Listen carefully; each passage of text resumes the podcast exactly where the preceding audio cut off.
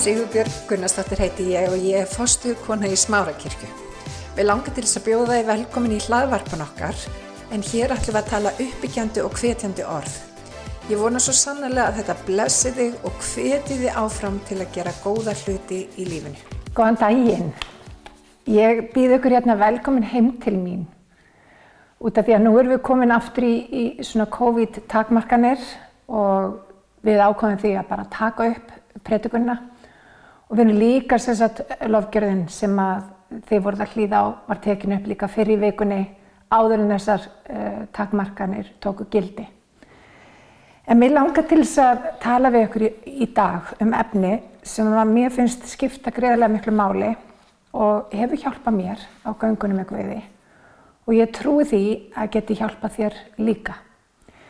Uh, ég er búin að vera að skoða mjög aðtilsverða konu sem er, hún er doktor í hugrænum taugavísundum og hún heitir doktor Karolín Líf og hún er búin að vera að rannsaka hvernig við getum endur nýjað hugafærið okkar. Uh, hún vil meina það að það taki 21 dag að detoxa hugan, hún orðar þetta þannig, að detoxa hugan. Það er að segja koma inn með ríkjandi nýja hugsun inn í hugan og með þessum endutekningum í 21 dag þá getur þessi ríkjandi nýja hugsun eh, orðið först í hug okkar. En það þarf alveg 63 daga, eh, þar að segja þrísasinu 21, eh, samkvæmt hennar niðurstöðum, hennar rannsóknum, til þess að þessi ríkjandi hugsun verða vana í okkar lífi. Þannig að það er rosalega mikilvægt, samkvæmt henni, ef að þú vilt breyta lífið þínu, að að þú endur taki hlutin og hún talaði líka um að það veri opaslega mikilvægt að orðum fyldi aðtöfn. Hún sagði að það er ekki hægt að gera þetta öðruvísi, það þýðir ekki að koma bara með orð og yngar aðtöfnir. Hún sagði að það getur meiri sér verið skadlegt fyrir heilan. Getur gert það verkum að, hérna, já, að þú, þú myndir, hún kallaði það uh, skemmt í heila, veist, að, að við segjum eitt og gerum annað og hún talaði líka um það. Ef við verðum til að mynda fyrir áföllum þá getum við endur prógramað heilan okkar. Veist, með því að tileng okkur e, betri hugsanir, þarlendi betri líðan að, og þá koma betri tilfinningar og svo framvegis. Og ástæðan fyrir því að hún byrjaði að skoða þetta á sínum tíma var auðvitað svo að hún er alveg upp í kirkju og hérna var kent á sínum yngri árum og hérna, hvernig það væri hægt að, að endur nýja hugsun okkar eins og stendur í Rómörubröfunu 12. kabla að við eigum ekki að hafa okkur eins og öll þessari heldur eigum að taka háttaskiptu með endur nýjung hugafarsins til þess að við fáum að reyna hverju viljið viðs hér góða fagra og fullkomna og það er svo frábært og henni fannst það líka að sko áralangar rannsóknir hafa sínt og sannað að þetta er einmitt tilfellið. Við getum endur nýjað hugsun okkar. En aftur, orð og aðtapnir þurfa að fara saman. Og þetta er ekki uh, eitthvað nýtt á nálinni. Þetta er eitthvað sem að, uh, hefur oft verið haldið fram og sem að biblían heldur fram. Sem að biblían segir að sé einmitt tilfellið. Og Jésu talaði sérstaklega um þetta við fólki í kringu sér, lærisvennin og aðra. Mér langar til þess að, að drepa neður í Mattus 7.24 og það er Jésús sem er að tala og hann er að, hann er að líka Guðsríkinu við þetta. Uh, hver sem heyrir þessi orð mín og breytir eftir þeim, sáu líkur hyggnum manni er byggðu húsitt á bjargi. Nú skall á steipiregn, vatni flætti, storma blésu og buldu á því húsi en það fjall eigi því að það var grundvalla á bjargi. Takkið eftir uh, það sem hann segir, svo sem heyrir ormin og breytir eftir þeim. Svo kemur hérna í versi 26, en hver sem heyri þessi ormin og breytir ekki eftir þeim, sáu líkur heimskum manni er byggði húsitt á sandi. Steipiregn skall á, vatni flætti, storma blésu og buld á því húsi, Það fjall og fall þess var mikið. Af hverju fjall ekki húsnæðið sem var byggt á bjargi? Það er einmitt stóra spurningin. Þegar Jésu kom fram á sjónasviði að þá talaði hann um Guðsríkið, hvernig að þráða byggja Guðsríkið innra með okkur, innra með sér hverju manni. Uh, fyrir þann tíma í gegnum lögmálið að þá var það meira eins og svona reglubók um það hvernig þú áttur að haga lífiðinu. Guðsríkið var fyrir utan. En með tilkomi Jésu til þess að hjálpa okkur um þetta að uppfylla það sem við eigum að gera, að þá kemur hann inn í hjart okkur og byggir Guðsríkið innan með okkur. Algjörlega ný nálgun. Og Jésu er algjörlega frábær þegar hann er að útskýra sitt mál og hann gerur það með svo myndrænum hætti eins og í þessari sögu. Við, við getum séð þetta svo opaslega vel fyrir okkur. Við sjáum tvö hús, við sjáum ólíka grunna og við sjáum tvær ólíkar niðurstöður. Og hann málar þessa mynda af þessu í þessari frásögn ég með til þess að við getum svolítið sett okkur inn í þetta þannig að við getum svolítið séð þetta svolítið fyrir okkur. Við erum nefnilega öll að byggja eitthvað í lífinu. Margir gerir sér ekki grein fyrir því að lífið er endalös endutekning á alls konar hlutum, vennjum og alls konar sem við erum, að, við erum búin að tilenga okkur. Við erum öll að byggja. Uh, Jésús sagði til dæmis við Pétur, hann sagði á klettunum, Pétur nefnilega þýði klettur, á, á klettunum minn ég byggja kirkju mína og hlýðheljar verða kirkjunni ekki yfirsterkari, segir hann. Og hver er kirkjan? Við erum kirkjan. Kirkjan er ekki bygging í sjálfu sér, við erum byggingin. Og hann tala við Pétur með þessum hætti út af því að Pétur, í Pétri var klettur, Pétur var klettur. Og hann vildi byggja á, á þessum kletti. Og það segir einmitt í þessum, þessum orðum Jésu, hann segir hver sem heyrir þessi ormin og breytir eftir þeim. Sái líkur hygnumanni að byggðu húsið að bjargi og þetta er svo mikið kjarnaatrið vinir. Eins lengi og við hlustum til dæmis á, á ræðu eða, eða bóðskap eins og þannan, bara sem eitthvað sem kýtlar eirun, gott að heyra, þú jafnvel tekur undir og, og veist að þetta er rétt, en gerir ekki. Um, að þá myndu aldrei upplifa þann ávöxt sem að Guð vil svo sannarlega gefa þér í lífið. Þannig að kemur með því að heyra og framkvama. Og þetta er svo frábært og það Jésu sagði þetta fyrir 2000 árið síðan og það rýmar 100% við það er niðurstöður sem Dr. Líf komst að einnig. Uh, en hvernig byggjum við? Nú getur við að spyrja þú veist, hvernig byggjum við? Hvernig er best að byggja? Og það er góð spurning. við byggjum nefnilega, við byrjum á því að byggja undir yfirborðinu. Við búum nefnilega svolítið í þjóðfélagi sem er svona svolítið á yfirborðinu. Við sjáum alls konar glansmyndir og, og, og fólk sem er jáfnvel búin að fótosjappa alls konar myndir og við erum svolítið svona á yfirborðinu. Og ég held ofta tíðum þegar fólk er með svona mikla glansmyndir að sjálfur segja að það er ekkit endilega út af því að það er jákvægt. Það er út af því að það, það í rauninni hefur, veist, veit ekki alveg hver það er. Og mér finnst rosalega hressandi þegar fólk kemur fram á samfélagsmiðlum og öðru og segir bara svona litið sannleikan, lífið er bara alls konar, lífið er ekki bara einfalt, það er alls konar og þannig á það að vera.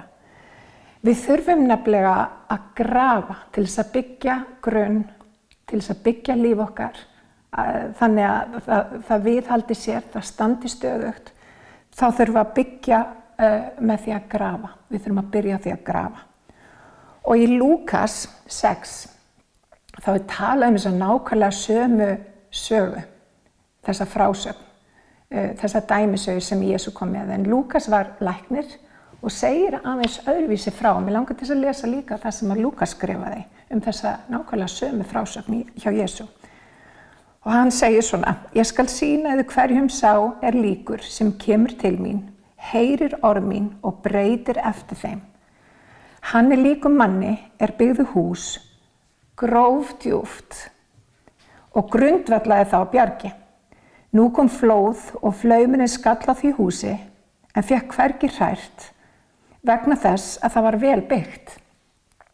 Hinn er heyrið það sem ég segi og breytir ekki eftir því er líkur manni sem byggði húsitt á jörðinni án undirstöðu. Flaumunni skalla því húsi og það hús fjall og fall þess var mikill. Biblían kennir okkur til dæmis af veist, alls konar prinsip sem við vitum að er rétt og, og eitt sem kom í huga minn til dæmis þessa, þessa vikuna áður ég var, því ég var að undirbúa mig. Til dæmis það að vera vinur allra. Við eigum ekki að vera vinur allra, kennir Biblían. Það er hreinlega til tjóns. Við þurfum að velja vinn okkar. Við þurfum að vanda valið þegar kemur á vinnáttu. En það líka kemur það svo berlega ljós þegar einmitt stormir geysar. Hver, hverjir eru sannir vinnir? Þannig að Biblían talar um það en við látum það oft í léttu rúmi liggja. Þanga til að, að leksjan kennir okkur með af að slæmum hætti að þetta er ekki málið. Að vera vinnur allra, þetta tjóns. Um, í Lúkasi, þessum orðum sem ég var að lesa, þá kemur líka fram að við erum að grafa, við erum að grafa, við erum að grafa djúft til þess að byggja grunninn. Og, og jarðvegurinn þarna er auðvitað mynd upp á hjarta mannsins. Og það sem að Jésu vil gera, hann vil grafa niður á klöppina, klöppin er Kristur, hann vil grafa niður og þegar hann grefur, þá koma alls konar hlutir upp á yfirborðið. Það getur verið hlutir sem eru óþægilegir, vondir jafnvel, hlutir sem við viljum gætna gleyma. Uh, allt er þetta gert til þess að við getum skoðað, reynsa það úr líf okkar, jafnvel egnast lækningu á einhverju sem hefur átt sér stað eða eða bara við þurfum að breyta ákveðnum elementum í, í líf okkar sem við verðum kannski alveg upp við, eitthvað hefðir eða vennjur eða eitthvað slíkt. En Guð aldrei grefur eitthvað niður í, eða þú veist, grefur aldrei neitt inn í hjart okkar nema til þess að við berum góðan ávöxt. Og, og það er nú bara þannig að Guð klippur aldrei, Guð tekur aldrei neitt úr lífið þínu, hvort sem að það er mold eða eða þú veist, drullumallega hvað sem að það kann að vera sem er í þessari jörð þess, eða til þess að meiða þig. Það er alltaf til þess að þú beri meiri ávöxt. Hann klippir alltaf til þess að við berum meiri ávöxt. Það er til þess að blessa okkur, það er til þess að hjálpa okkur. Þannig að það er kjarnaadriði og líkiladrið. Þegar Guð er að reynsa og hann að taka alls konar hluti upp í okkar lífi, er að vera ekki eins og Ísælsmenn forðum þegar við fyrir að díla við þá, veist, í gegnum eigðumörkina, heldur að þakka honum og blessa hann og átta sig á því að Guð er að hjálpa okkur. Uh, Guð er að reynsa það sem það þarf að reynsa. Þannig að það er svo mikilvægt að gefa þakkir í öllum hlutum, líka í óþægilegum hlutum. Gefa þakkir í öllum hlutum og lofa Guð í storminum. Þeir sem hann er að tilbyða Guð, tilbyða hann líka í storminum. Það er svo mikilvægt hvað við gerum í storminum að, að gefa honum dýrðina í staðin fyrir að vera reyð eða pyrruð eða sleppa svolítið tökunum og treysta því að við erum að vinna verk. Því að við lifum á þannig tíð að allt sem að er hægt að hrista virðist vera að hristast. Það er bara svolítið þannig. Og við sjáum COVID og allt sem er í kringum það og og, og við sjáum hvernig, veist, ekki bara COVID-ið heldur alls konar afleggingar í kringu það, fjárhagslegar og annars líkt. Það er eins og allt sé að hristast, sömur eru upplega kvíða, jafnvel fyrir framtíðinni, það er gríðarlega óvisa á öllum sviðum. Og í svona ástandi þá kemur svo berli í ljósvinir, grunnurinn okkar. Og þess vegna skiptir svo miklu máli að, að vennjur okkur og hefðir styðja við það, styðja við heilbrygt og gott líf því að þegar storminu kemur og hann mun koma, hann kemur fyrir allt fólk, að þá stendur byggingin okkar og hún stendur sterk þrátt fyrir stormin. Uh, Mér langar að segja ykkur frá því, bara mína reynslu. Uh, við vorum, ég og Alli, maður minn, við vorum að að fara í framkvæmdir hérna fyrir þreymur ánu síðan og hugmyndin var að steipa veggi hérna í gardinum okkar. Og við fórum hérna út og, og, og mátum þetta sem svo að þetta væri nú ekki mikið mál. Við þurftum bara að grafa hérna eitthvað smá, fengjum bara að fá okkur að vina okkar og þeir myndu grafa eitthvað kannski, veist, halva metur niður í jörðina og, og við myndum það slá fyrir veggjum og svo bara kemist yfir bíl og máli var dött. Og sem betur fer að þá fórum við ekki sjálf í þessa framkvæmdir, heldur töluð við sérfræng. Við fengum aðila sem að kunnuti verks og hann kom inn á og leita aðstæður og saði uh, þetta er ekki gott plan. þetta er ekki sniðut að, að gera þetta svona sjálfur fyrir það fyrsta. Og hann sagði mikilvægast að öllu er að grafa algjörlega niður á klöpp. Ef þið gerir það ekki, þá stendur ekki vekkur. Hann getur staðið í eitthvað tíma, en þegar uh, verður brjála viður, sem er bara yfirlega veist, mjög oft yfir, yfir vetratíman hérna á Íslandi, að þá fer hann að bogna og hann fer að eigðalegast smátt og smátt vekkurinn. Og hann segi, ef þið grafið ekki niður á klöpp, þá mun hann ekki viðhalda sér. Ekki nefna kannski þá bara í stuttan tíma. Og við náttúrulega leitum til hans og hann endaði með því að, að klára svolítið verki fyrir okkur. Hann gróf og gerði það sem hann þurfti að gera sem betur fer því að veggirni standa hérna ennþá sem betur fer. En þetta er ákveðin svona leksja, hinn náttúrulega er fyrirmynd að vinna andlega. Uh, ef við gröfum ekki niður á klöpp, ef við leifum ekki Guði að grafa niður þar sem að grundvöldun er sterkur, þá rýs húsið okkar, það getur alveg rýsið, en þarf svo lítið til að það falli saman og eigðilegst og fall þess er þá mikið eins og reikningin kennir.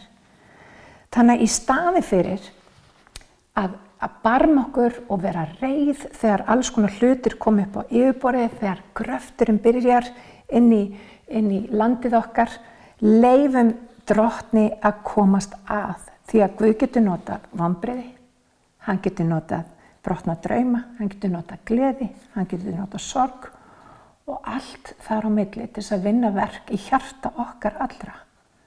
Og, og hans lag er það, ég ætla að taka þetta og ég ætla að gefa þér í staðin dýra steina í bygginguna þína. Eitthvað sem við heldur, jafnvel í stormi, jafnvel í eldi, að þá mun byggingin, hún mun standa og hún mun þóla. En best af öllu, og reikningin kennir það, hann segir áður en reikningin kemur, verður þá búin að byggja grundvöldin. Við erum oft svo að bregðast við kringumstæðum hérna á Íslandi, við erum rosalega góði í því að bregðast við. En Jésu talar um, hann sagði byggðu grundvöldin áður en reynir á. Vendu þið á að lifa guðræknu og góðu lífi, ekki vera bara heyrandi eða segjandi, verðu gerandi.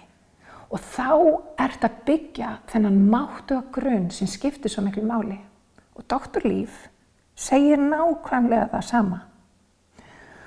Og ef við gerum það, að þá kennir Guð okkur að þeir sem vona á drottin, þeir sem vona á hann, og hvað þýðir að vona á drottin, það er að setja sjón sín á drottin, það er að treysta Guði, ekki bara treysta honum heldur gera það sem hann hefur sagt.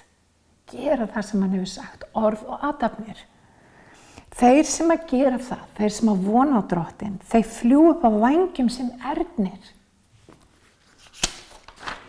Þeir hlaupa og líast ekki, þeir ganga og þreytast ekki. Hann er bara svo sérstakt með örnin. Örnin, þegar við erum búin að búa til hennan grunn og bygginginu komin, þá fáum við þetta eðli. Eh, Örnin er þannig hann lítur á stormin sem áskorun að fljúa herra. Þegar við erum með grunn og við erum með vennjur og, hef, venjur og hefðir, orð og aðtapnir fara saman, að þá liftir við okkur yfir kringumstæðnar. Við vitum og við erum fullvis að allar kringumstæður samverka okkur til góðs. Hvor sem að það eru góðar kringumstæður, erfiða kringumstæður, Við vitum það að Guð er að vinna verk innan með okkur og þetta mun allt samverka til góðs. Og samverka til góðs þýðir að þetta mun enda sem eitthvað gott. Þetta mun enda sem gott. Þannig að mér langar til þess að hvetja því í dag. Mér langar til þess að hvetja sjálfa mig í dag. Í staðin fyrir að horfa kringustæðnar og, og, og, og barma sér, vennjum okkur á að vera bæði heyrendur og líka gerendur á því sem að Guð hefur kent okkur og sjáum hvernig grunnurinn í líf okkar fer að byggjast upp og stórkoslegt hús stórkoslet hús verður að veruleika sem stennst allan storm. Þannig að ég vona það fyrir þitt líf og ég vona það svo sannlega fyrir mitt líf líka. Eh, mér langar svona rétt á lókum áður en uh, ég lík þessu hér í dag að byggja bæn. Uh, þú getur verið að horfa og þú þekkir ekki hvaða er að eiga persónlegt samband við Jésu. Þú hlusta kannski á að hugsa bara, wow, veist, þetta tröst, hvernig veistu að það er hægt að treysta honum? Ég veit að það er hægt að treysta honum út af því að hann býr innan með mér. Hann er búin að búa með mér, innan með mér nánast allt mitt líf. Ég veit að hann er tröstinsverður. Og biblían talar um, ef við trúum og játum, þá munum við hólpin verða. Eina sem við þurfum að gera er að opna hjart okkar fyrir Jésu og hann kemur inn í hjarta og hann mun vera leitt og í lífstíns. Þannig að mér langar til þess að byggja bæn og byggja um að endur taka bænina eftir mér. Og hún er svona. Kæri Jésús, ég byggja um að komin í hjarta mitt í dag. Ég byggja um að fyrirgefa mér sér hverja synd. Ég byggja um að fylla mig af heilugum anda og viltu ganga með mér hvern einasta dag. Viltu hjálpa mér, drottin, að byggja þennan góða grunn. Hjálpa mér til þess að vera heyrandi og gerandi af því sem að þú segir. Drottin, ég þakka þér að ég er nú þitt barn. Í Jésu nafni. Amen og amen. Drottin blessi þig. Ég hveti til þess að stilla inn á okkur með reglum hætti því að hér verður alltaf eitthvað nýtt á nálinni. Takk fyrir að hlusta.